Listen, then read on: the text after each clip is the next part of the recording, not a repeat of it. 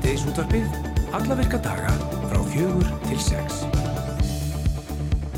Og um svona fólk þáttarins í dag er Rafnildur Haldársdóttir og Andri Freyr Viðarsson. Líkt og kom fram í fréttum í vikunni þá missa 30 manns vinnuna þegar síldavinslan hættir bolfisk vinslu á seyðisfyrði í lók nógumber. Og í fréttatilkynningu frá síldavinslunni þá kemur fram að bolfiskvinslan á seyðisfyrði sé komið til ára sinna og ekki samkeppnishæfi þar fullkomnustu. Kostnaði við endurbætur leipur á 100 miljónar króna og þá er fjármögnun orðin dýrari. Hildur Þóristóttir, hún er sveitastjórnanfulltrú í Múlaþingi og Íbú og Seyðisfyrði. Við viljum aðeins að heyri henni hljóðu því þetta lítur að vera mikil blóðtaka fyrir bæjarbúa og bara þá sem þarna starfa. Já, já. Nú standa yfir leitir og göngur og, og sumstaðar er búðar rétta en annars það er ekki og þó er hann Ingi Pétursson sem er söðuföfbóndi og alþingismöður og grund grítu bakarheppi.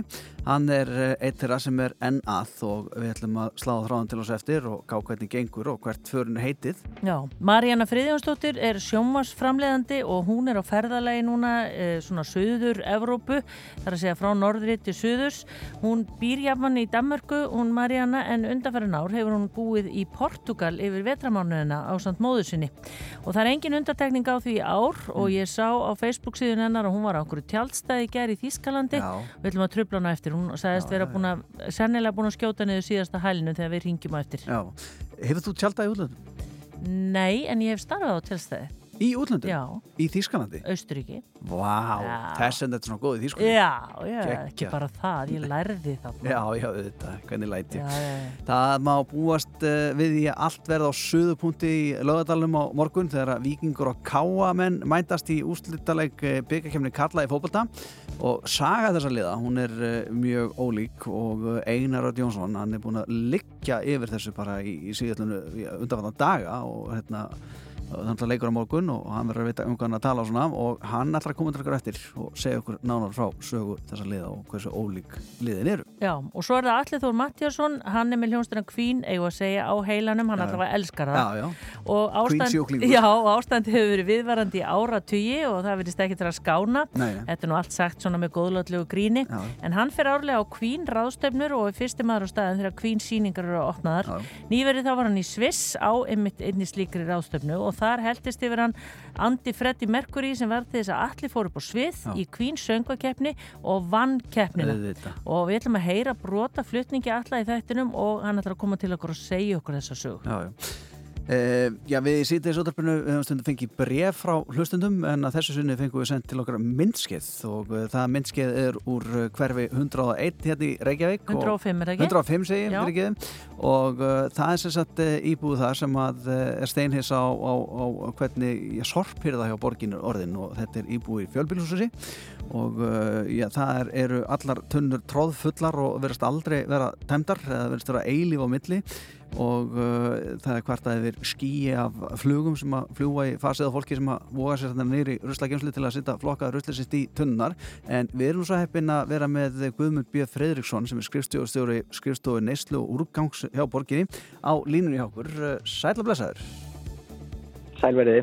Já, nú hefur uh, þetta nýja kerfi, flokkunarkerfið, uh, það er uh, já, komið bara í flest hús, ef ekki öll, hérna á höfuborgarsvæðinu og uh, þá náttúrulega þarf að snýða þann stakk eftir vexti, hvernig þetta er gert og svona og, og maður getur ímyndað sér að, að það takir tíma að finna réttan rytma í þessu. En hvað getur þú sagt okkur um þetta? Af hverju fyllast uh, tunnur í fjölbílusúsum uh, fyrir en hérna? Já, hérna, eins og segi, við erum, við erum búin að innlega núna þetta, þessa breyttu hyrfu í borginni. Það eru komið núna í lót fyrir matarákanga og pappir og plast við hvert heimili. Uh, þegar við fórum í þetta verkefni þá áalluðum við hvað þarf á tunnum við hvert heimili. Uh, við stefnum að því að, að komast í tveggja vekna hyrðu á öllum úrgangsflokkunum í, í Reykjavík. Erum í dag í þryggja vegna heyrðu á pappir og plasti og það getur náttúrulega verið þá að það sé einhver staðar uh, fullar tunnur. En það er nú samt svo heyrðutíðin sem við vorum með á pappir og plasti áðunum fórum í þessar breytingar en það getur náttúrulega líka verið ástæðan að, að áallanur okkar á einhvernum stöðum er ekki alveg rétt og það þarf að fjölga tunnum Mm. og hérna uh, svo er oft mótið spurning hvort að þær tunnur komist fyrir í sorggeimslunum Já, En, en hérna við erum núna og höfum alltaf verið með uh, tvekja vegna heyrðu á matarögungunum og, og blandaðarhorfinu. Uh, við erum í dag eins og segja þryggja vegna á papir og plasti en stefnum í tveggja vegna á, á því líka og þá er ágætt að íbúar fara að fylgjast með hjá sér hvort að uh, tunnurnar sem eru hjá þeim rúmi það sem fellur til með við þá hyrðutíðinni. Og ef ekki, hyrðutíðin á papir og já, og ef, ef ekki þá, einmitt, nákvæmlega, ef, ef ekki þá endilega senda okkur línu á sorperaðreikjó.is og óska eftir viðbótar ílátt. Já, já, já. En hvað með eins og, eh, já nú er svona mismundi mikið af rusli sem fólk er að henda eftir hvað á, tíma ástæða er og, og ég er reynilega, maður getur ímyndið að segja, ég sjálfur býnum í fjölbílshúsi, maður svona hálfpartin kvíður fyrir jólunum þegar að eh, pappirinn fer að, sko, ég tala ekki um síðustu dagan í desember þegar maður þarf að fara að tróðfylla alla tunnur. Hvað hva, ver, verði oftar á ferðinni þá? Sko það er erfitt að vera oftar á ferðinni það þá bæta við mannskap og bílum og, og, og, og þess aftar. Við munum vera með uh, pappís og plastgáma uh, á einhverjum á grendastöðum í borginni. Það er að breytast líka grendarstöðakerfið okkar sem að, að taka þá við bara gleri, málmum og textíl. En eins og segja, einhverju stöðum verðum fyrir pappir og plast líka sem er svona ætlað fyrir það sem að er, er umfram og rúmast ekki tunnunum eða eru veislu höldi eða eins og segja jól og áramót og þess aftar.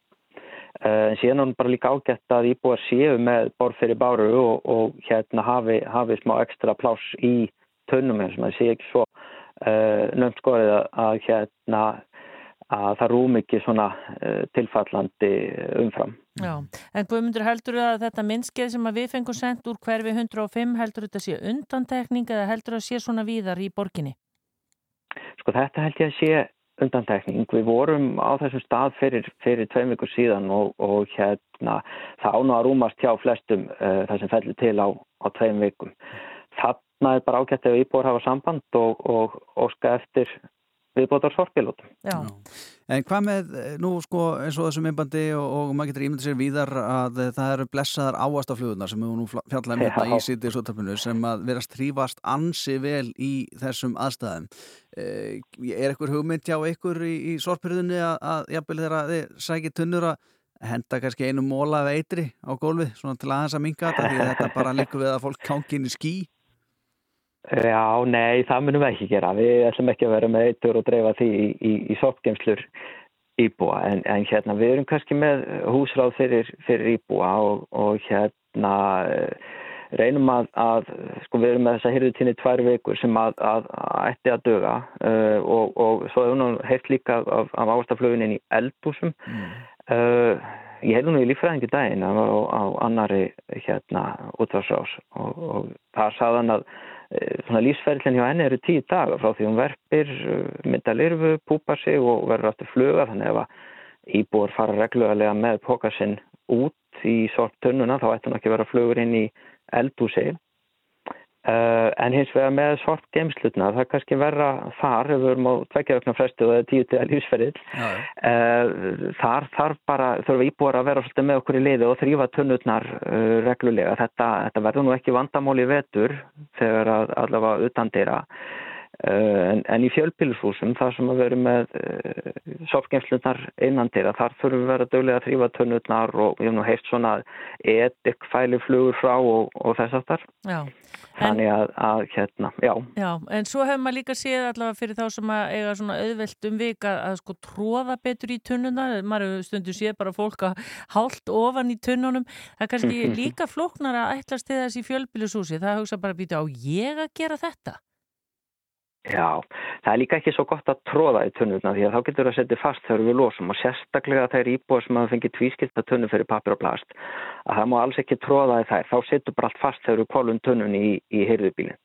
Hins vegar er ágætt að, að brjóta sundur stóra pappakassa og, og, og þess aftar til þetta rúmislu betur í tunnunum. Já, einmitt það. En það er sérstaklega að segja okkur einu svona netfangi sem að fólk getur sendt eða hefur einhver aðtóðasendir. Já, það er sérstaklega sorphita að reykjavík.is eh, Takk kjærlega fyrir þetta. Guðmundur B. Fredriksson, skrifstof, stjóri skrifstof og neyslu úrgangs eh, hjá Reykjavík borg og góða helgi. Takk fyrir, góða helgi. Síðdegis útvarfið Ekki slæmur félagskapur það Frá fjögur til sex á Rástföð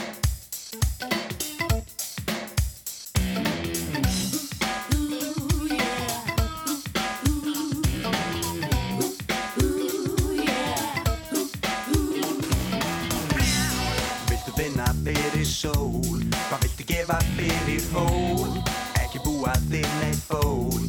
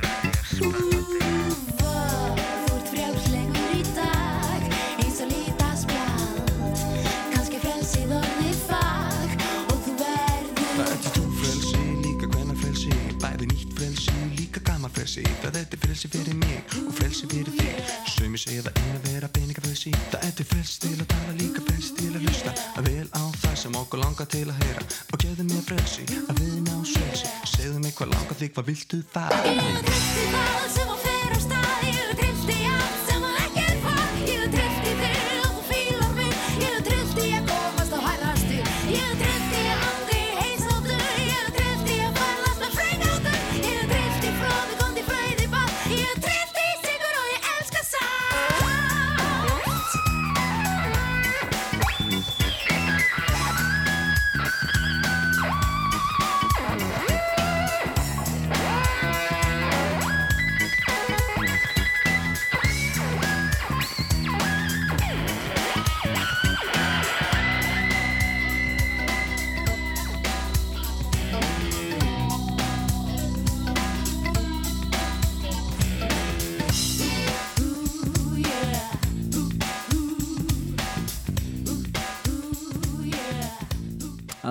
Andrea okkar gilva trillt með tótmóbíl.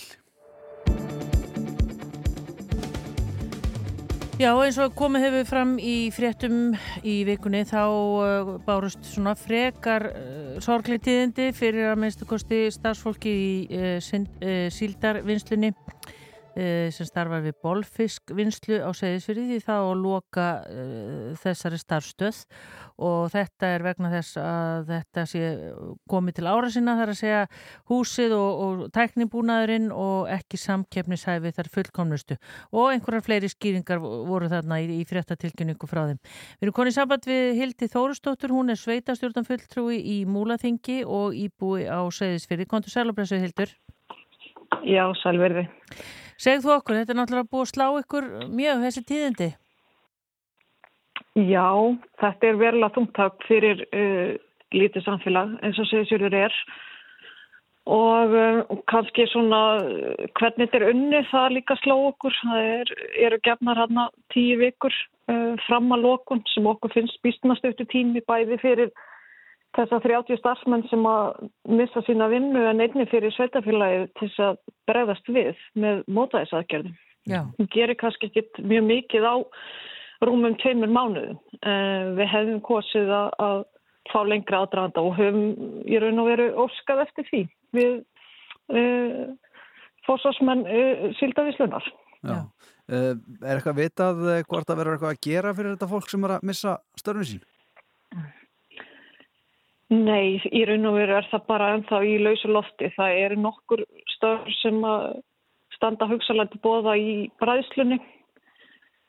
Eh, Þau eru náttúrulega bara örfá, þannig að það er bara ennþá mjög mikil óvisa með eh, stóna hluta þessar starfsfólks. Svo kom fram í, í frétta tilkenningunni að þetta fólk geti fært sig uh, sem sagt á aðra starfstöðvar síldavinslunar en, en það er bara ekkit auðvelt að færa fólk sem er búið að festa rætur og, og ásett líf hér og, og, og vil gerna búa hér áfram.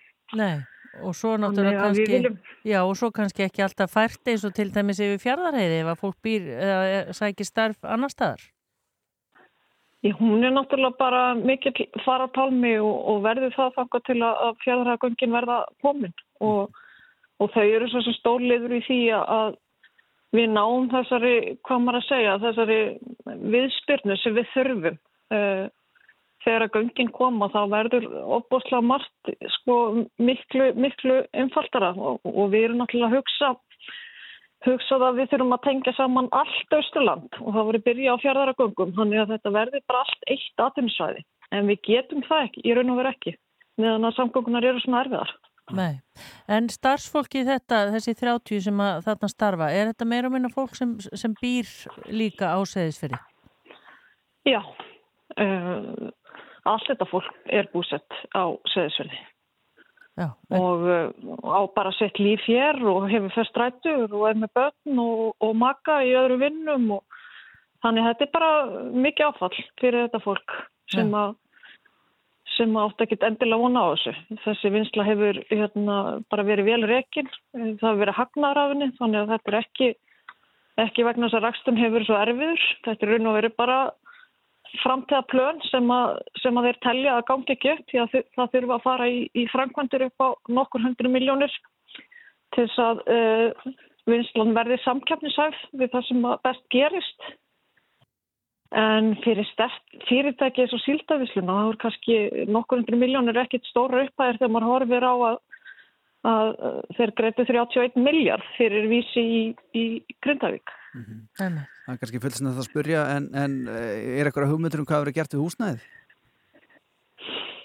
Nei, það er, það er ekkit engar hugmyndi koma fram með það. Það sem að við erum að vinna með núna hjá Sveitafélaginu með síldavislunni er að, að við viljum fá meiri tíma bæði fyrir starfsfólki og fyrir Sveitafélagi til þess að geta bröðist við. Og við bara bindum vonum við að, að stjórn síldavislunar uh, taki vel í það og sýnir þá kannski bara þess að samfélagslega ábyrgð. Það gerir þetta þannig að það sé umta að bregðast við með einhverjum svona, hvað maður að segja, einhverjum svona raunhæfum hætti. Já, og Það er alveg augljóst að við gerum ekkert á tíu vikum. nei, en hafið þið fengið einhver viðbröð nú þegar? Nei, við býðum bara svara. Við, við áttum góða fundi í gæðis með fórstjóra síldavislunar og, og svo ætla hann bara að taka þetta samtal með stjórninni og lætur okkur svo vita í, í kjálfarið. Já, ætlaði að leiða ykkur að vera bjart sín, þanga til. Já, við erum alltaf bjössin. Ég meina, veist, ég bara trúi því að, að svona stóra og sterk fyrirtækja þau vilji líka sína samfélagslega ábyrð og, og kannski ekki sísta því að við erum svona ennþá dálítið í, í sárum eftir skriðunar og höfum verið að byggja okkur upp eftir þær. Það tekur tíma. Það er langklöpp og, og við erum svolítið í miðri á þar. Og ég ætla bara að leiða maður að vera björnsin að þeir muni taka þátt í, í, í þeirri vegferð með okkur og, og síni bara þar samfélagslega ábyrð. Hildur Þórisdóttir, eh, sveita stjórnafulltrúi í Múlaþingi og Íbú á Seyðisfyrir. Takk kjærlega fyrir spjallið. Sumulegis.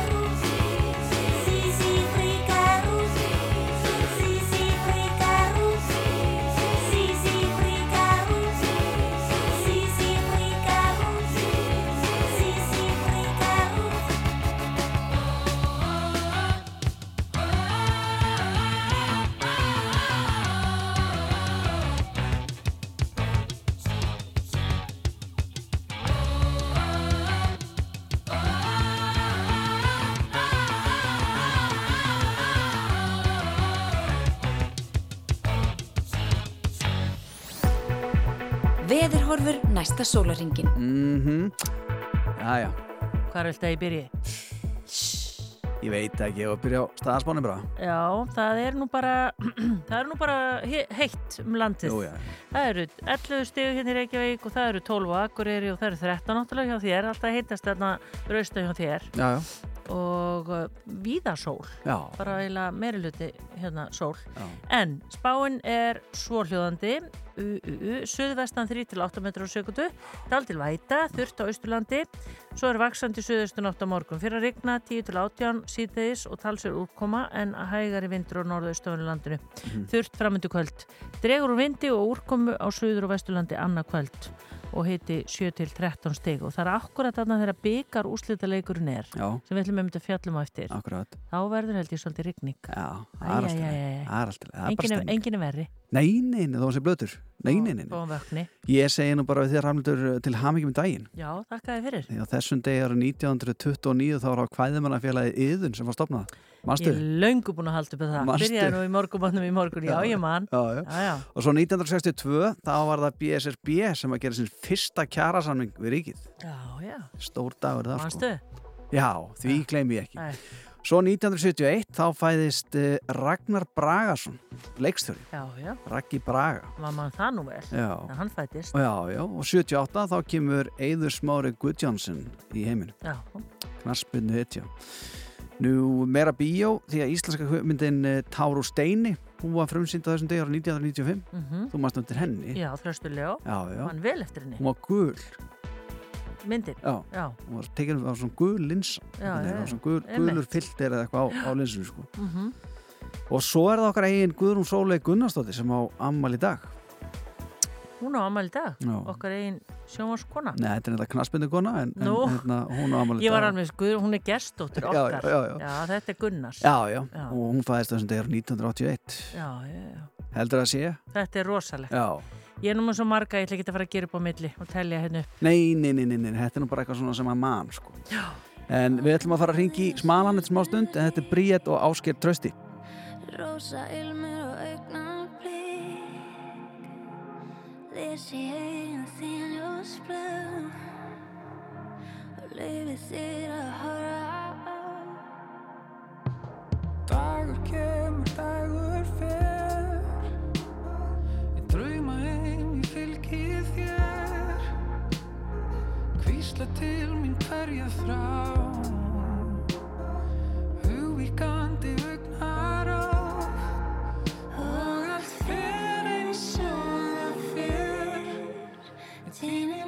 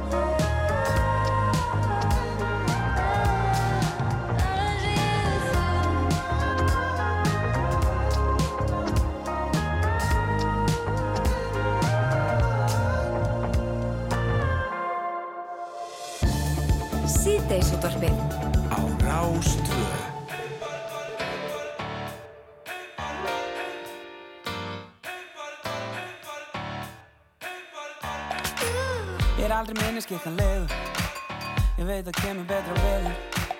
Sýst allt um hattræna legu En hún er ekki voru á vegu En hei, hei, hei, hei Hvað ætlar þú að gera í því?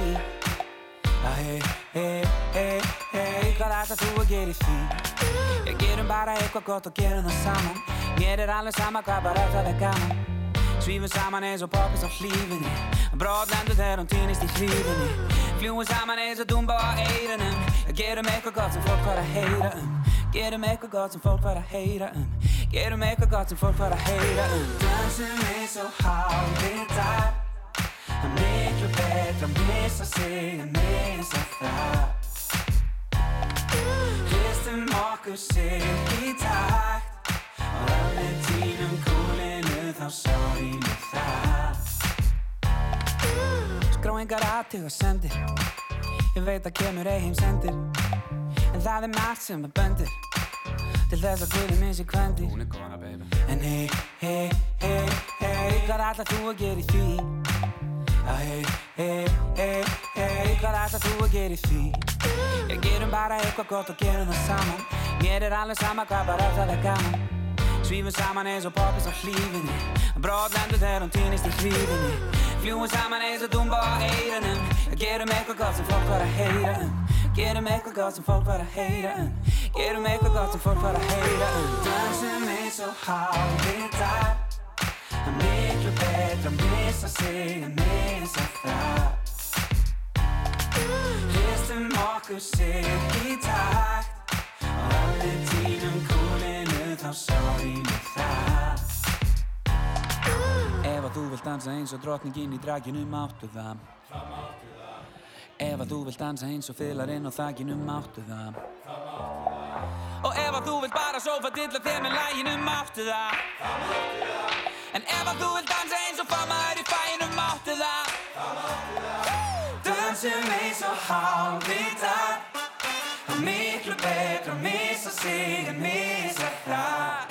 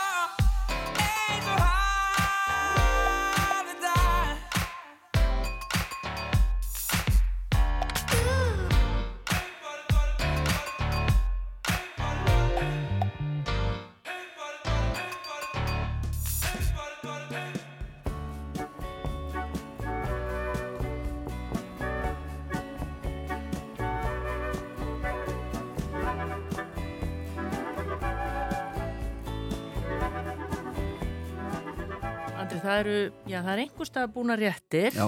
en uh, sennilega eru nú flestir ennþá að leita eða eru í göngum Akkurat, Já. akkurat. og við hérna erum konið í samband við eitt slíkan sem að er bara í þann mund að leggja stað í göngur nummið tvö Einmitt. og hann heiti Þórarinn Ingi Pétursson, hann er söðfjórbóndi og alþingismadur og kontur sælublesaður Þórarinn. Já, komið blessuð. Uh, þið farið alltaf, er, alltaf, er þetta alltaf tvær göngur, eða, já, í tvennu lægi? Já, það er, nú venjan er að það er nú svona þessar fyrstu göngur sem er, sem er nú svona aðal, aðal réttirnar sem í framhaldinu og síðan er þessi eins og þessu svæði hérna að þá eru við að fara marg, marg sinnis. Þannig að nú erum við að fara í að gera aðra tilraun, það er þessi aðra göngur og síðan fyrir við hérna í þriðju og síðan höldum við áfram í eftirleitum og eins og, eins og gengur og þetta er bara svæði hérna er þannig að hérna, þetta eru margir fyrirðir, uh, háfjöll, marg gil og litli dalir og þetta er út um allt og hérna þegar að tíðafælið er nú svona eins og það er að þá, þá uh, leginist þetta nú við það sko. Mhm. Þannig að það þarf að, þarf að leita ansið mikið. Já, ferða eftir veðufari sumasins hvar fjöður að fela sig? Já, það fer nú svona fyrst og fremst eftir við að fara í hausins Já, og þegar að veðrið er svona gott eins og núna og, og, og eins og við, við köllum hérna snjóin, við köllum hann kvítasmalan að hann hefur ekkert látið sjá sig. Að hérna þá er þá eru geta þær verið mjög víð og fjöllin hérna eru alveg upp í 1200 metra hæð þannig að hérna að þær geta verið ansi víða. Já, en hvernig fer þetta fram sko? Það eru, eru eins og þínu svæði, eru menn á hestum eða er þetta fjórhjóli eða hvernig eru þið? Við erum fyrst og fremst eh, á hestum og síðan eru menn lappandi Já, og við erum ekki að nota hjól hérna hjá okkur. Við, við hérna höfum enga til ekki, já okkur hefur ekki svona hugnast það en þá að, að nota þau en það er svo sem er, er ansi snúið að koma þeim við. En nágrannar okkar hérna á Flætjadalum að þeir hafa verið, verið með svo kvöldu træjantjól sem, er, sem er ekki fjórhjól eða er bara venjuleg tvíhjól og hérna og menn hafa notað þau með bara góðum árangri við smalamennskur en, en þetta er bara menn eru nú held ég að nýta sér allt sem hægt er og hérna við þetta og, og, og fyrst og fremst náttúrulega þurfum menn að hafa nóga mannskap og síðan eru nú hundarnir sem að skipta nú gríðarlega miklu máli að hafa góða hunda það er, það er líkilatrið í þessu mm. en hvað með drónana? Nú hefur maður hert að sumir svona, já, hafi verið að prófa sig áfram með að nota dróna.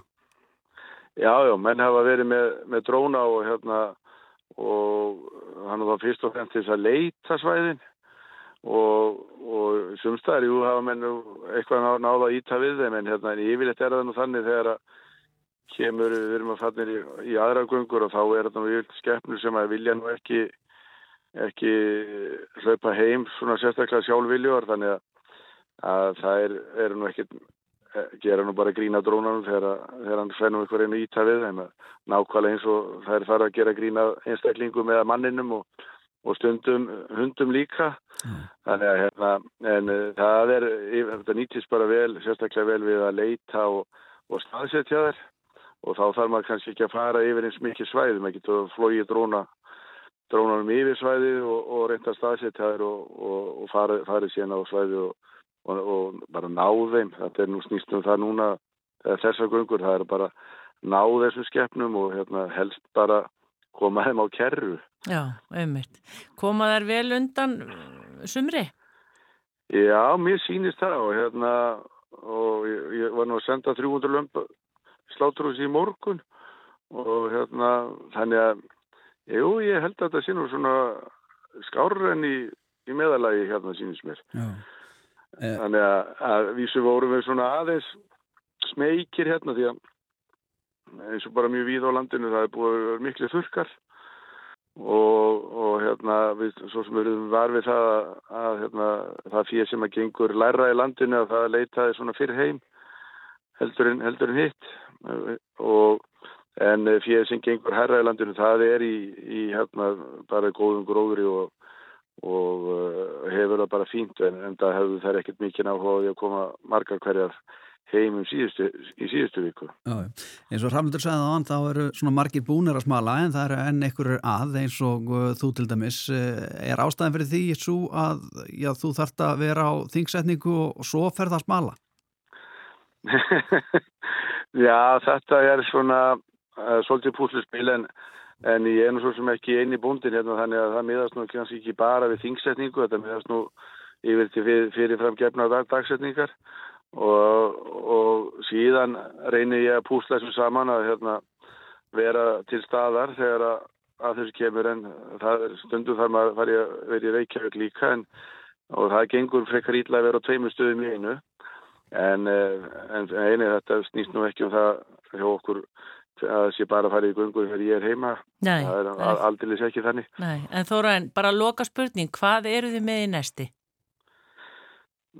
Já, það er nú ímislegt það er nú svona fyrst og fremst er nú, er nú hérna, en við erum svona nokkuð einhverja samlokur yfir daginn og, síðan borðum við náttúrulega kindakjött á, eða lambakjött á, á kvöldin og já, pilsur stundum og, og jú, síðan er eitthvað nota til að skóla þessu niður með og sömulegis menn svitna mikið og, og þá verða menn fyrir tölur vökkvartapi þannig að þá þarf mun að bæta þau upp líka Já, einmitt. Þannig þannig að það er allt klárt og þá segjum við bara gangi ykkur vel í dag. Já, já, bara takk fyrir og gaman að heyri ykkur. Takk fyrir þetta, Þóruðan Ingi Pétursson, Söðfjörnbóndi og alþingismæður á grundi Grítubakka hreppi. Takk fyrir spjalli. Það er nefnilega það uh, og uh, já, sko lambakjöt í smölun, finnst það ekki skytið? Er það ekki svolítið eins og... Nei, ég held að þetta, já, ég held að sé, sé bara einhver hefð. Já. Það eru örglega kjötsúpa Já, já. og eitthvað svona. og maður hugsa til sko, það getur skrítið að maður er að vinna út á sjó og, rosa fiskir í að maður er að veða síld og svo fann maður síld að geta sko. Í öll mál. Já. en það er örglega eins og ef maður er út á sjó, það er ekki bara fiskur nánast í öll mál. Nei, ég veit Nei, ekki. nei,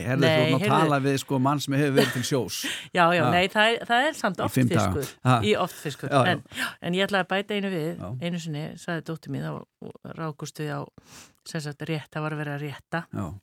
og fjöð var að koma á fjalli og þegar ég sagði henni að þetta væri sem sagt, það væri að safnaðum saman og lempi væri sem sagt að leið, leið í smá sláturhús, þá eiginlegaði ég fyrir henni, hún bara voru að gráta og þetta var meira það er ekki allir sem tengja Nei, þetta kennir okkur það bara aldrei hægt að ljúa bönnum Nei. Ég sitt hérna einn á hvítri sólarströnd Með svala stróperi takkýr í mér við hönd. Og fögur skonnort að hún siglir fram hjá mér. Hún er á leiðinni á leið til að sá íra. Ég leiði aldánum að dáleiða mig. Og síðan dorma ég við miðjarðarnir. Í gegnum auklokkin ég greini bara liti. Nú blikka ljós er þetta bensinstöðn á luti Landrófur fram í vatni á kópaskin Þó minn hugur sé í nættulest til Marrakes Inn í eyði merkur nóttina Þó ég sé hér á grímstöðum Ég sit hérna einn á nýri bensinstöð Og frúa ljósinn flögt í röð. Tíu tonna trukkur spýta restur fram hjá mér Og drullan leggur niður mína Þá kvarlar hugurinn til Marokko Og hvað hún hét hernum dilli dó. 717 kallar bólugrafin kokkur. Ætli hann sé núna búinn að kleima okkur. Ég fer á landrófur fram í vatni á kópaski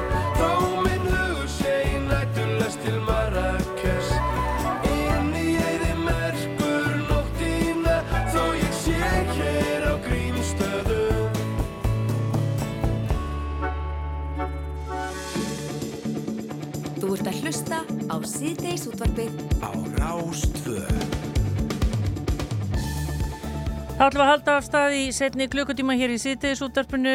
Marjana Friðjónsdóttir, sjónvarsframleiðandi, er nú á ferðalagi í Evrópu á leiðinni Suðrabógin en Marjana sem að jafnan býr í Danmörku hefur undanfærin ár flutt til Portugal yfir vetratíman á satt móðu sinni og bara vilja fara þarna í hittan og hafa það notalegt og það er engin undantekning á því í ár.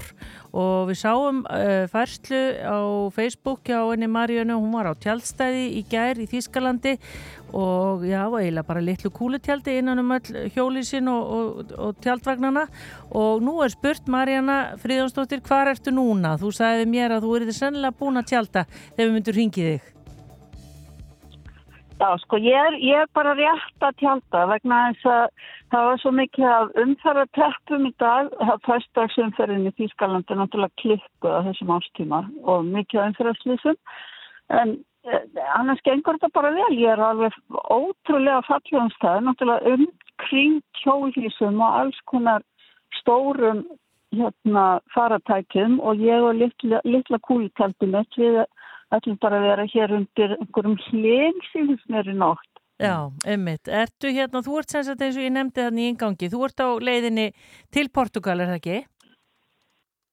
Jú, ég er það. Ég er hérna ákvaði í, í ár sem sagt að taka svona slótrafel vegna þess að við erum svo vöndi að fara alltaf öll ofsalega hratt yfir og keira hérna hraðbröðirnar og spenna okkur og annað í þeim dúr. En núna er ég svona að taka þetta mjög rálega, ég ætla að taka þess að ferða viku sem ég tek vennilega á þrjum dögum og er ekki með neitt ákveðin komið það til Portugal.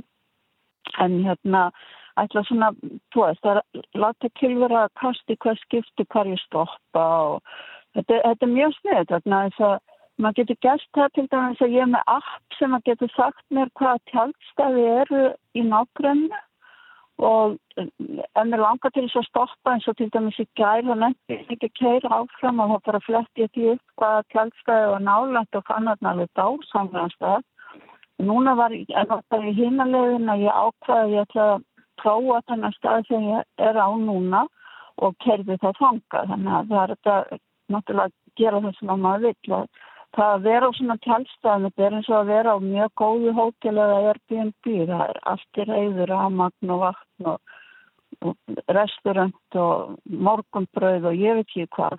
Já, er þá að segja okkur það að það sé alveg til hérna út í heimi tjálstæði sem eru betri en Allavík og tjálstæði Akureyri og, og hérna á Íslandi. já, já, já, já. Og þeir, fyrir bara batnandi og það, eru, gefna stjórnir. Ég held að þetta sem ég er á núna, svona tryggja fjöra stjórnir, það eru tveir svona, tvö stórvögt, það sem hættir að baða og það eru endur og bara alls konar og fólk er hérna náttúrulega bara með fjölskyldurna sínar og grillar og, og það er strafalogn eins og bara á góðum ísviskum vordegi og, og hérna Já, 28 steg hitti þannig að það þarf ekki að kvarta við því. Nei, mér heyrist ekki. Nei. En hvað er kostnaður um misjarn eftir stjórnugjöfum tjálstæða? Já, sko, þe- þetta tjálstæði sem ég er á núna, það kostar heila 17 eurur fyrir tjald og bíl og mig. Já, það, það er ekkit smáraðis verð eða hitt og heldur. Maríana, ég var að lesa eitthvað viðtal við þig í hérna á einhverju, einhverju, já ég man ekki hver ég sá þetta viðtal og þar, þar kallaru þig sko stafræn, stafrænan flæking sem er sérst íslensk þýðing Já. ennsku orðunum digital nomad. Hvað hérna, þú ert bara, Já. þú ert í fullu starfi en ræðu þér einhvern veginn, þú getur bara, hvað ég var að segja, haga seglum eftir vindi? Já, ég er búin að gera það núna í áratug. Þá hérna er ég bara búin að vera svona að flækja svolítið mikið um það. Ég var að býða, ég var búin að plana þetta mjög nákvæmlega áður en að ég gerði þetta því að maður það náttúrulega að koma atvinnugreinin í það horfa hægt að vinna hvaðan sem er og ég var nú til dæmis í morgun að, að hérna, gera eina litla Facebook-auðsinga her fyrir á tjálstæðinu og ég laga af stað En ég er núna, því að ég er orðin svona lög, lögilt gamalmenni, sko, ég menna konur sem er að verða sjötu að það er eitthvað að hægt að vinna, þannig ég ætla nú svona að draga úr þessu núna og, og fara að taka lífinu með ró, eins og ég er að gera akkurat núna með því að taka slow-mo ferð hinga mér eftir. En ég er svo búin að vera stafrætt flækingur í, já, áratug. Já. Eh, ertu mikið að hitta já, aðra Íslendinga á svona tjálstæðum? Nei, ég verð nú að segja það, það er bara mjög lítið en þá. Yfirleitt, sko, eins og til dæmis hér í Þýskalandi, það er náttúrulega, sko, þeir tala ekki bann til að ennsku þeir sem að er að afgreða þig, þannig að maður er svona að rifja upp hérna, stúdenspáðið í Þýsku eða eitthvað álíka til þess að geta hérna, bóka nóttina. En það, er- það er, þetta er bara voru hugulegt þess að það eru annar mór alltaf svona stöðum heldur en að þú gistur á hótel til dæmis. Hér segir fólk góðan daginn og það kingar kolli og það heilsast og annað er dæmdur og það eina sem að sko ég get bara hvart eldri konu til þess að fara að taka upp tjáltalana og bara rífa sig á stað. Það er allt of sjálfgjátt að það er fari einar í ferðarlega því að það eru náttúrulega hrættar margar og, og hérna kannski hafa aldrei prófað það eða eitthvað líka en það eina sem er hættulegt á svona ferðum það eru raunverulega kallmenn. Já, nú býtu, útskýru þetta betur. Já. Jú, jú, vegna þess að ég menna, sko, það, það, er, það er oft þannig að konur sem eru einar á ferða, það eru áreittar af kallmannum og það er kannski, það, það, það verður meira um það eftir því sem sunna dregur kannski en, en hérna, maður þarf bara að vera á varðbergi og bara passa sjálfan sig og, og þá gengur þetta allt vel. Já, Maríana, segðu okkur aðeins að mömmuðinni, hún hefur ekki farið með þér núna í þessa ferð, kemur hún þá bara fljúandis og drottning til Portugal? Já, þetta er sko, það er nefnilega svo auð og mamma hún er orðin nýrað og hérna þetta er áttundi veturinn sem að við erum hérna suð frá og ég bara skil ekki okkur það er ekki gert meira því að fara með eldra, eldra fólk í vetratvalir þar sem það getur gengið út til ræktarósirna sína, borða góðan mat og tekið lífun með ró í staðan fyrir að vera lokað inn á einhverjum hérna einhverjum stöðum þar sem að og fólk hefur ekki tíma til að hugsa um það og hann er þeim dúr. Þannig að mamma hún hérna eftir að play fór að fljúa til Lissabon. Þá flýgur hún bara beint á Lissabon og það er þannig fyrir eldra fólk að það getur pantað sem sagt flugfjölein eru skildu til þessi Evrópu að veita fólki persónulega tjónust það er að segja að þetta keira það í hjólastólu til flugvél, hún getur ekki það myndi taka hana viku að komast hérna út landgangin í löfstu þannig að það myndi nú ekki borga sig þannig að hún bara sest í sinn hjólastóla að keira út til vél og svo kem ég á mótin í Lissabon og við fljúum áfram til fara og þar býðum bílinn og við keirum í húsið sem við erum búin að vera í, í sjö ár Já, þetta er- alltaf sama staðum Já, þetta er dásalegt og ég menna eins og þú segir, getur hreifti allt árið, hérna, heldur það bara rétt í lokin Maríana, eins og nefndir þann, að vanti stundum bara hugur ekki hjá fólki að hugsa svolítið bara stöðu sínu búin nýtt. Já, ég held að fólk ætti að gera það. Men þetta snýst ekki um það að geta skipt um gardinu eða sofasett. Þetta snýst um það að nota þessu augnablík sem við höfum í þessu lífi og reyna að fá einhverja minningar út af því sem að, að fylgja manni. Ég meina, svolblómakur í, í sólaruppblás er minning sem að, að límist á heilan á manni og, og hérna og það eiga notalega stund með mömmu sinni undir, undir sól og borða góða mat. Það, það, það heldur mér gangandi og, og hérna, mér finnst það, ég hef oft hugsað um það sko, hvort það er hægt að búa til svona ferðarskrifstofu sem að heitja mönnuferðir. Já. Þannig að sko, börnir taki mönnurna sína með í svona ferðir. Það, ég held að það er að gera meira því sko. Já. Dásanlegt, við séum bara bestu kveði til þín hvað ætlar að hafa í matinn í kúlutjaldinu. ætlar að fara okkur veitingastað? Nei, sko ég nefnilega ég get það ekki af því að ég er hérna með óþól fyrir öllu þannig að ég þarf að elda allt á honum og ég á svona litla ferðagasvél þannig að ég elda bara minna eigin mat hérna við hliðin á tjaldinu. Já, við séum bara verður að góðu Maríana Fríðjónsdóttir, sjónvarsframleðandi og bara allt múlíkona, bestu kveði til þín og gangiði vel á ferðalæðinu innu, söður á bógin. Já, takk aðeinslega. Ég var í Frakland á morgun. Já, bara góða skemmtun, takk hjálpa fyrir það. Takk fyrir, bless, bless. Ok, já, bye. Þetta er allt öðru sér stemning en var í tjaldinu hjá Almari Atlasinni á, á listasafninu í Jótafjörð. Já, allt önnur. Hann var að, hann var að hérna, hæla því að vera í gólfitti og nú geta hann heilsa- hitta pulsunar á gólfinu bara. En hún þarf ekki gólu, það var 28, heyrðu hvað hún sagði, hún það, sagði já, já, 28 stegi já. hiti. En mömmuferðir, þetta er, þetta Það er er hugmynd. Þetta er frábær sko. Þetta er skoða það sko. Ef ég dætt, viltu lyfta mér upp? Viltu leiða mig í gegnum þetta allt? Ég vil hlaupa hratt og vil ekki gera það einn. Ég vil ekki vera einn. Viltu öskra með mér út í myrkrið? Viltu dansa hér látt fram á nótt? Grenja svo hlátri Enginn skilur neitt Viltu svara mér þegar ég ringi? Viltu hlusta á mig tala? Í ringi svo lengi að við sopnum og leysum ekki neitt. Því ég þarf ekki svör Ég þarf engin ráð. Ég vil bara við getum verið við sjálf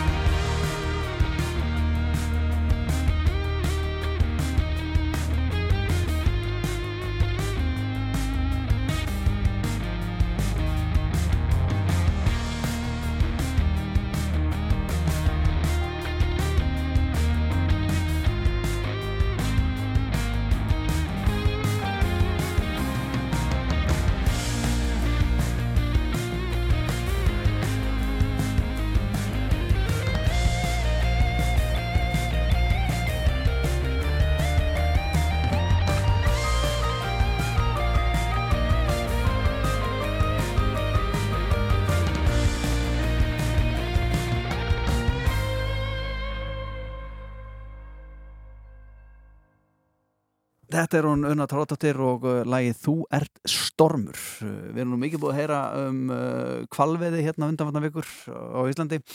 Og ekki ástæðalösu og svo líka heyrum við oft mikið um reyndýraveiði þegar að það tíðanbúl dettur inn og það er, fólk er að sækja um leifi til að fá að skjóta reyndýr það er nú ekkit það mörg skotinn og þetta er mikið svona eh, mikið lottó að eh, fá leifi til að skjóta reyndýr en nú er ég að sjá hérna í bændaflæðinu að það er búið að opna fyrir umsóknir um selviði Já, já. Ég er bara, uh, náttúrulega, ekkert svakalega fróður maður en, en eitt og annað veit maður en maður, ég veist ekki að það verið mikið um selveiði hér á Íslandi Nei, vá. og uh, já, í, í, í, þessu ári sem er núna þess að botna fyrir uh, að fólk getur sótt um leiði til að veiða sel á, á næsta ári 2024 en á þessu ári uh, sem er núna þá er sagt, búið að sækja um leiði til að veiða 41 landsel og 13 af útselum Mhm. og maður er svona veltaði fyrir sko að þeim maður þú veist, með reyndýraveiði þú veist, þetta er svona, eh, þú veist, fólk lítur á þetta sem eitthvað svona ævindýri, að það er farið upp á fjöll og það er að finna hérna eitthvað dýr og svo er það eld og eitthvað svona skilru og svo náttúrulega rjúpan líka, þú veist, það er rjúpnarskittuna það er að fara upp í fjöll og þetta tekur alveg marga klukkutíma og, og gæsin það er menn liggjandi og henni skurðum eitthvað og hérna í, í, í, í svona kamaflagsfötum og skjótandi, en hvernig er þetta? Þú veist, keira Já, leggja bílnum. Ég veit ekki hvernig þetta fer Þið, þið gúk með Já. hausin upp úr. Ah, einn kom inn, þú veist, hvernig Ég veit ekki hvernig þetta við fer þurfum eiginlega að kynna okkur þetta nánar hérna á komandi dögum sko. Já, en, en sástu þættina sem voru í sjónvarpinu síðustu tvo sunda um grænlandsferðina leikarans, hans uh, mannaldrin einn leikarunöfn, ég er að finna þetta hérna. Já, já. Uh, þá voru verið að elda sem sagt selkjöt Nei, í ég Grænlandi. nei, ég sá það ekki. Get ekki sagt að mér hafi þótt þetta hérna, eitthvað svakalega gyrnilegt Já, en svo er það, veltum við því líka fyrir sig hvað er þetta nýtt í? Ég manna Haldur Ásvinsson, hann var í svona jakka Já. úr selaskinni Já. eh, svo náttúrulega selshrefnir fyrir vestan Mhm. en hvað meir? Hvað hva, e, e, hva voru það að gera? Voru það spik? Var það Já, þetta er náttúrulega eins og þessi bara, ég held mér þessi, ég veit ekki með færi en allavega í Grænlandi þá er þetta bara mjög Já, vinsalt kjöt Þeir kunna að verka þetta, sko Já, kunna Þannig, sko. en er þetta ekki alveg rakið efni fyrir sítið svo finna segja, út úr? bara, ég, alveg, þetta er bara rannsóknar næstu vikna sko, Já, en fréttin sem ég var með því þú hérna varst að beða með að finna eitthvað sniðut hérna Já, þetta er ekki sniðut en Nei. upptöka úr bílamyndavil leigubíls sýnir mann aga rafhlaupa hjóli ógnar hratt á göngustíg með frá Sæbreytur Reykjavík og reyndi að geta á hvað hraðan var Hlaupahjól Já. fara, Hoppjólinn fara upp í 25 max. Á raf hlaupahjóli á svart. 90 hann var á 90 km hann hraða var bara ólöglegum hraða. Já ekkert smáraði ég skil bara ekki eh, þetta er hvernig þetta er hægt. Nei, þetta er ósmaðsæði Við ætlum að tala við eh, Queen Sjúkling hérna eftir smá stund og svo ætlum við aðeins að kynna okkur byggar úrsletaleikin á morgun meðan hún meinar erni. You see tonight it could go either way. hearts balanced on a razor blade. We are designed to love and break, then to rinse and repeat it all again. I get stuck when the world's too loud and things don't look up when you're going down. I know your arms are reaching out from somewhere beyond the clouds. You make me feel.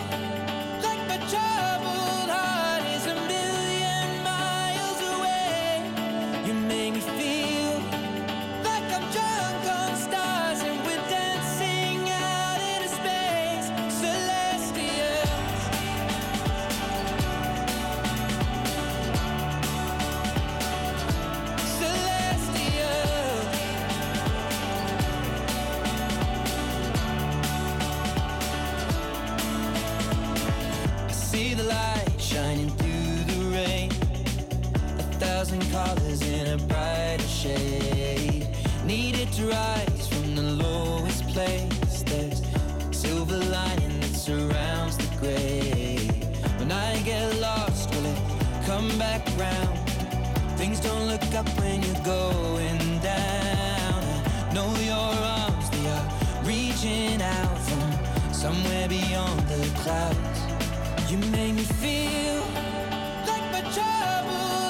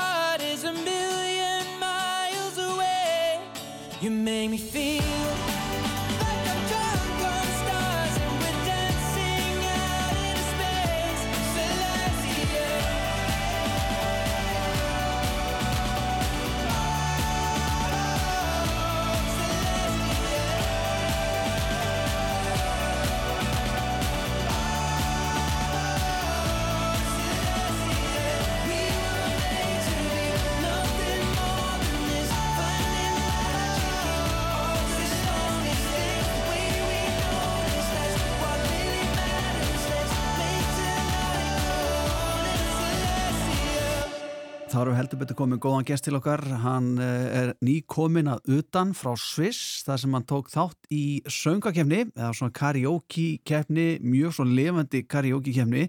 Þetta er Queen sjúklingur að Guðsnáð eh, og hann heitir Atli. Úti er hann kallaður Mr. Atli. Við skulum heyra hérna brota flutningjans á stóra sviðinu í Sviss. Ladies and gentlemen,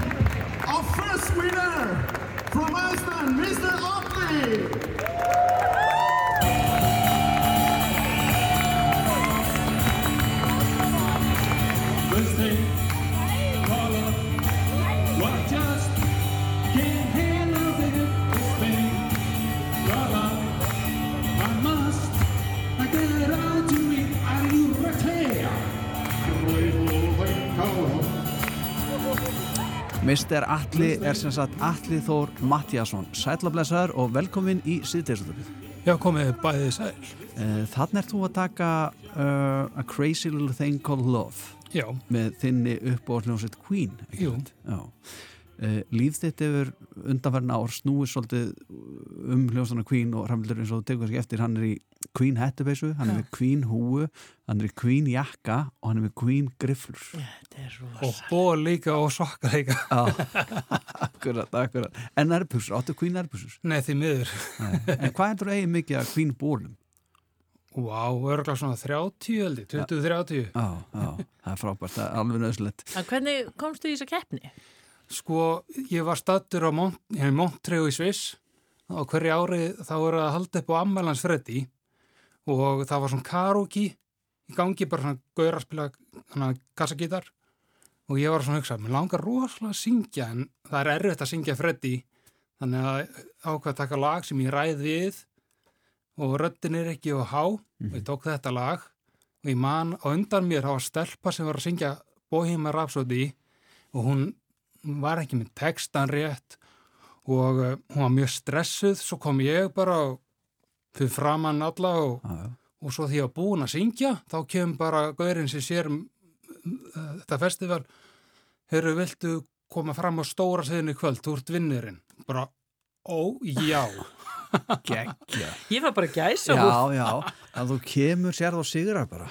Já, og þetta var á fyrsta deginum, þetta heiti Montreal Celebration Days. Já, einmitt. En gaman, og hvað hérna, og hvað þýðir að koma fram á stóra sviðinu? Er það bara eitthvað Það- risa Þetta er stór, eða þetta er ná markaður, þetta, þetta, þetta er fyrir aftan þar sem stittan hans Freddi er í Montreal. Já. Og það er alltaf hljómsætt að spila hverju kvöldi. Mhm. Og þetta var svo mikil heiðurindar að fá að spila hana þetta kvölda því að ég náði að hitta Mike Moran baksviðs sem er hana, sem var upptökustjórun fyrir Freddi Mercury, Great Pretender og Barcelona plötuna. Aha. Og hann gerði líka einhverja plötur með George Harrison hann á mikill heiður að hitta hann Já. og ég saði við hann á bandi ég skal loða ykkur því að koma krátið í gang sko og mér tókst það Já. Sko þegar ég segi sko að líf alla snúi svolítið um hljómsnuna kvín þá er það enga ígjur því að þú ferð árlega eða ekki allir á svona kvín ráðstefnur og hittir uh, fólk sem að uh, já, er jafnmiklir kvín sjúklingar og þú og, og, og er þetta ekki bara að kalla kvín fjölskyldan? Jú, eiginlega og ég þekki nokkra ekki marga sem var hitt bandið Já. og ég þekki einn sem þek, þekkir á Já. og þekkti Freddi Einmitt. En hva, hvað eru þessar ástöfnir? Er þetta alltaf á sama stað? það er haldið í Englandi Já. Já. En þú hefur hitt meðlumir hljómsnuna kvín? Ég hef hitt, her, já, ég hef hitt Brian May, Já. en eh, ég reyndi að hitta Roger Taylor í fyrra þegar hann kom til Íslands, en uh, ég valdi því miður vitlega stóttir, ég hafa komið geisladiskar sko, því að ég á svona plötur, eh, nei, ekki plötur, hann að bók, Já. Queen bók, þar sem Brian May skrifaði nafni sitt Aha. og hugsaði á hvað að vera snild að fá erinda áriðin frá drömmarunum líka. Já, þetta er magna. En hann að talandi um hitt það hitt Spike Edney tvísar sinnum hann er hljómbórsleikari Queen Já. ég hitti hann á Queen síningu, nei, ekki Queen síningu Freddie Mercury síningun í London Já. áður en ég fóti Montreux að ég hugsaði, nú verð ég að sjá þetta en núna eða aldrei Akkurat. Og hvað er það? Er það verið að sína hvað? það var að sína allt sem kallin átti Já. húsgögn, uh, plötusafnið barinn hans, uh, kóronuna sem hann notaði á sviðinu wow. svið, enna, fötin, allt, allt bara Já. Mike Standurinn litli, var hann það?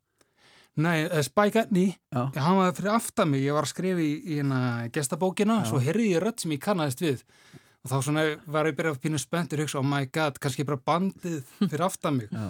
En þá bara hann sko, bara, þá sagði ég við hann, heyrðu, hæ Spike, og svo beig eftir hann búin að skrifa, hann skrifaði bókina því ég var búinn. Já. Og svo, og svo hann, hvað heitir að, um, kom hann og ég sagði við hann, hey, excuse me, og hann að, og sagði ég við hann, ég hitti þið á Íslandi 2011, Já. þú varst að spila á menninganótt, á tónaflóði. Akkurat, já. Hann myndi eftir tónleikunum, hann myndi ekki að hitt mig. Það er lélega tónum að eh, Allir, sko, þú varst líka á uppbóði það sem að vera að bjóða upp hluti frettið eða ekki? Nei, ég bara, þú veist, þessi síning, Já. þetta var sínt áður en... Áður en það var selt allt. Já. Þannig að þú nást að berja þetta augum og það fór eitthvað annað. Já, því að nefnilega það er núna aldrei, sko. Já, já. Og, Ég meina, hefur þú getað keift eitthvað? Er þetta ekki alltaf ótrúlega dýrt? já, ég er ég er þetta að kaupa hundra lotta með þetta, er ekki það keft, sko. Já, já, já. Að maður vinnur aldrei lott og svo sem Nei, maður og hver, hver keifti þetta? Bara einhver uppáshaldarar eða? Ríkt fólk, Já. Já.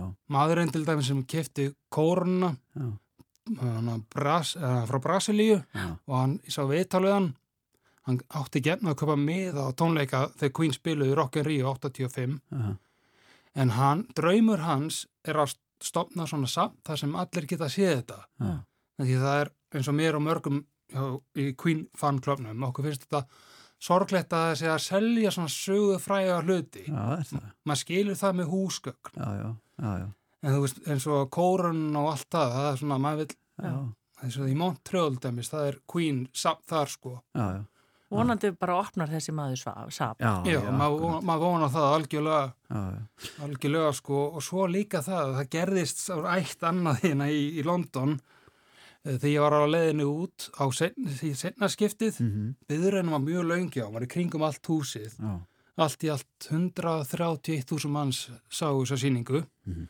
Ég lendi í viðtali í þýsku útvarpi. Já. Þú hefur verið aðalmaður. í Berlín. Já, já, já. Og vinkona mín í Þýskalandi fann upptökuna, eða svona fann útastöðuna. Já, geggja. En allir ert að syngja hérna á karaoke-börunum hérna í Reykjavík, getur fólk Nei. hlustað á þig? Svona, ég er ekki besti söngvar í heimi, en... Hvað vitlega maður, vannst keppnin úti? veist, eða svona, já, ég þess að ég valdi lag sem ég ræði við. Akkurat, og ræði vel við það. Eh, Alli Þór Mattiasson, eh, þú ert líka, eh, það verður ekki bara einu svona ári á kvínrástöfnur, þú ferði í eitthvað sem þú kallar sjálfur og planar sjálfur sem heitir rock'n'roll trip. Eh, þú ert væntalega verið í einu solis þetta árið og eh, sennilega farin að undirbúa næsta, eða hvað? Já, algjörlega, þetta er náttúrulega langur undirbúningur þegar að maður þarf að leggja fyrir og svona. Já, já, já, já. En hann ég langar samt að segja í sandi Montreal, já. svo er á lögadeginum, núna sem, til dæmis svona næsta ári 7. september, hérna í Kasjúinu, Aha. þar verður hérna, haldið Freddie Mercury svona ammælisparti, það var haldið núna líka í ár. Og það var hljómsveit að spila Live Killers, það er fullt af trippi hljómsveit að spila hana, Já. en á torginu þá er allt ókipis og um, hljómsveitin spilaði partíin ár og voru að spila alla fyrstu plötuna Mhm. að því að núna í ár er 50 ár sem hún kom út Já, já, já, magna. Þetta verður Sér að stórkostlegt. Alli er svolítið svona eins og alþingismöður, svona pólitíkus. Það sama hverju þú spyrð hann að, Já. hann svarar bara því sem hann vill tala um. Þannig að þú getur spurt hann bara um hvað verið matinn í kvöld og hann fyrir að tala um frétti mörkri. Já. Sko. Við skulum uh, ljúka þessu ég er með allir. Má ég samt segja eitt á logum? Já, um Queen. Já, um Queen. Mér það þetta mjög merkilegt. Vinu minn Jim Jenkins, Já. sem er í fanklögnum, Mhm. hann þekkti Freddy. Já. Mér fannst magnað að heyra upplöfun hans á síningur í London. Já. Að því hann sagði, wow, ég man eftir því þegar hann var í þessu, ég sá hann. Já, já. Wow, ég man eftir því þegar hann var klættur þessum fötin í talafinni síðasta skiptið. Magna. Það var svona magna að heyra upplöfun á uh, manni sem hann já. þekkt hann og svo sagði hann líka það magna að sjá mataborðið. Ég spurði hann, sagðstu einhverjum að þar? Nei, en ég borðaði með honum á hóteli í Dublin einu sinni. Aha, geggja. Geggja. Þór Mattiasson, takk kærlega fyrir þetta og bara góða helg. Já, takk, sumulegist.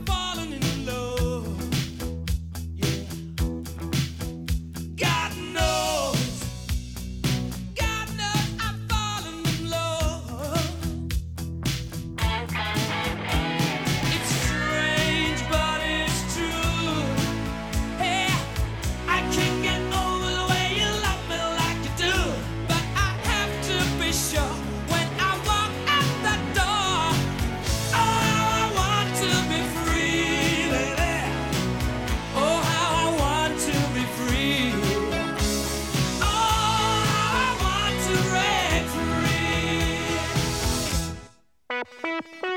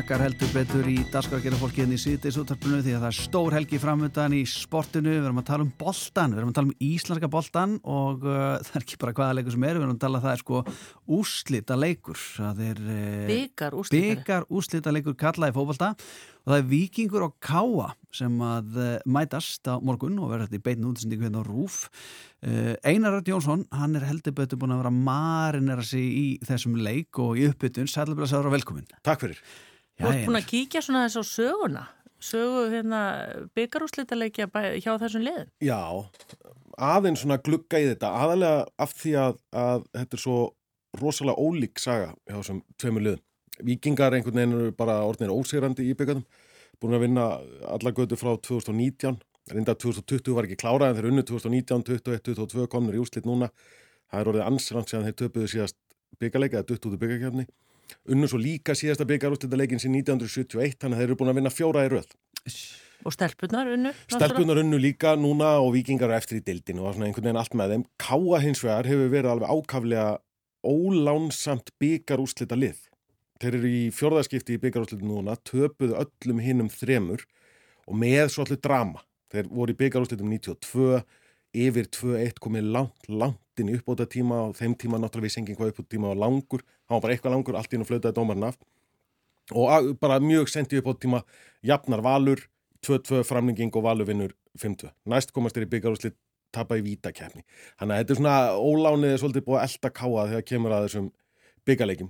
en, en svo saga náttúrulega gildir bara þangt og hún gildir ekki lengur. Þannig En þýðir engin- þetta þá að Káa hefur Nei, alltaf og það besta við þetta er þetta þýðir ekki neitt. þetta er bara svona gaman að garfi þessu. Þú er ekkert að segja upp á, á morgundaginn. Nei. Þá koma alla klísvirna, það er bara hver leikur yfir sitt líf og, og sagan hefur ekkert að segja og eitthvað svona fram og tilbaka. Mhm. Kannski aðalega sem þetta segir okkur er bara hvað vikingar eru búin að vera stöðugt góðir núna í langan tíma. Já. En af hverju það er alveg gríðarlega stemning alltaf í kringum byggar úslita leik hvað er það? Það er bara þessi, þessi setni hluti orðsins, úrslitaleikur. Það er ekkert alltaf sem þú færð úrslitaleiki í öðrum keppnum. Sama þú sért með eins og í handbóltanum og körfunni þá ertu með, með úrslitakeppni. Það er samt ekkert vist að þú fáir hreinan, hreinan úrslitaleik. Í byggarnum þá ertu alltaf með hreinan úrslitaleik og það er alltaf ekkert. Já. Og oftar en ekki gerist eitthvað svona aðeins óvænt í svona hreinum úrslitaleikjum. Það er svo mikil spenn og þetta er allt öðruvísi spenna en í öðrum leikjum núna, ég, sko, ég er búin að vera marinera með einhverja tvo daga garfi einhverju sögu, leikmenn eru búin að vera að liggja í byggarúslita pælingu núna í, í marga daga og mögulega vikur líka. Landsleikja hlýja áður en að kemur að þessari, þessari viku, þannig að þessi eini leikur og allt sem að hangir á honum er búið að þrýsta á axlirnar á, og herðarnar á leikmönnum í mjög langan tíma. Og svoleiðis pressa getur leitt af sér oft eitthvað sem er óvænt. Já. Í deildaleik myndum að segja, ok, vikingar hafa 70% líkur á að vinna, en að því þetta er byggarúslitaleikur þá bara pass, bara x 50-50. Já, og áhörundur náttúrulega eru bara, þeir koma náttúrulega norðan, þá er haldið með káa, þá koma þeir á lögatursvelli. Já, já, ég meina áhörundu skinja líka þessa auknu, auknu pressu. Til að verða Íslandsmeistari þarf að standa því 25-6 leikjum yfir, yfir veturinn, nei yfir sumarið. Til að vera byggameistari ef að allt gengur vel upp hjá þér þá er þetta 3-4 leikir og svo bara þessi eini sem er, sem er núna. Káa getur labbað frá frekar erfiðu sumri með titil og Evrópusæti í vasanum og verið bara mjög ánæðir með, með hvernig, hvernig þetta tímabil spilaðist hjá þeim þó að það hafi ekki gengið nú vel vel í deildinni. Mhm. Einar, sko, á sínum tíma þá var eitthvað sem heit mjölkubikar Já. Var það þetta? Það, það var, Já, og hann er aftur mjölkurbyggar. er- Þetta er aftur mjölkurbyggar? Já, núna búið að vera síðustu þrjú ár aftur búið að vera, vera mjölkurbyggarinn. Er mjölk í byggarnum? Það er mjölk í fernum sem er komið með og, og menn sig, í- sigur liðin sturtaði yfir, yfir liðsfélaga sína. Það er kampavín í formúlinni. Þannig að ég get alveg lofað þér að lyktin inn í, inn í klefa er ekkert, ekkert sérstök þegar að mjölkin fer svona aðeins að Já. þotna og, og lykta. Ef að káavinnur verður að kea mjölk eða? Nei, þetta er, þetta er Þetta samsalan. sama, þetta er samsalan. En það getur vel verið að komið með sína eigin mjölk með sér. Ég, ég efa samt, samt um það. Hefur ekkert að vera eitthvað annað í byggarnum en mjölk?